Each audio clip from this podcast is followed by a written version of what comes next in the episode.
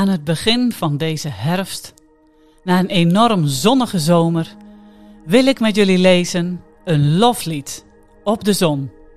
Psalm 19, vers 5 tot 7. Hij, God, heeft in zijn schepping een tent opgeslagen voor de zon. Die is als een bruidegom die uit zijn bruidsvertrek treedt. Jubelend als een held om het pad te lopen. Van het ene einde des hemels is haar opgang en haar omloop tot het andere einde. En niets blijft daarin verborgen voor haar gloed. Heb jij het gezien deze zomer? Hoe de zon s'morgens opging aan het ene einde des hemels? En was jij erbij toen hij onderging? Heb jij de zon jubelend haar pad zien lopen? En herkende je daarin het beeld van de zon, die is als een bruidegom die uit zijn bruidsvertrek trad en als een held vreugde vond in haar bestemming om rond te gaan in het pad dat haar schepper voor haar gebaand had? Heb jij haar gloed gevoeld op je gezicht? De warmte op je lichaam? Of was de zon soms te warm en wilde je dat iets haar gloed op jou verborg? Of wilde jij iets verbergen voor haar gloed?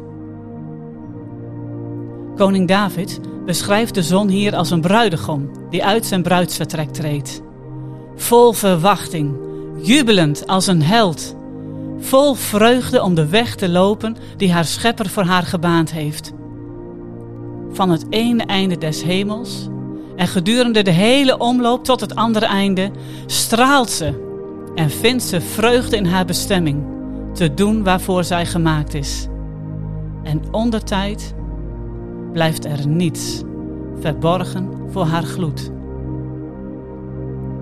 Deze zomer raakte mij ineens de gelijkenis van de zon met de zoon.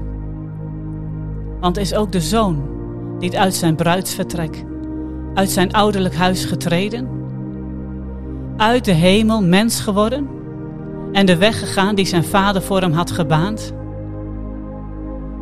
Is hij ook niet de weg gelopen met de vreugde die zijn vader in hem had en gericht op de vreugde die voor hem lag? En wordt ook hij niet de held genoemd? En is hij niet zelf degene die zei het licht der wereld te zijn? Zodat niemand meer in duisternis hoeft te lopen en voor wie alle dingen open en ontbloot liggen? Op hoeveel manieren spreekt God tot ons? De God die wij niet kunnen zien, heeft door zijn schepping, de zon, en door zijn zoon tot ons gesproken, waardoor wij kunnen weten dat Hij er is en dat Hij een eeuwig, krachtig en persoonlijke God is. En zou het kunnen dat deze God door het licht van de zon die elke dag schijnt en door de zoon die met zijn gloed elke dag ons hart wil verlichten, ons dingen wil laten zien die misschien niet met natuurlijke ogen te zien zijn? Zou het kunnen dat Hij ernaar verlangt dat ook wij als een held in vreugde mogen wandelen in de werken die Hij tevoren voor ons bereid heeft?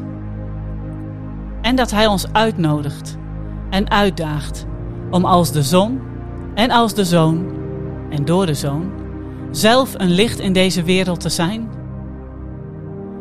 Diep onder de indruk van de gelijkenis tussen de zon en de zoon in dit leven, proef ik het verlangen van de Vader, die zegt: Sta maar op en schitter.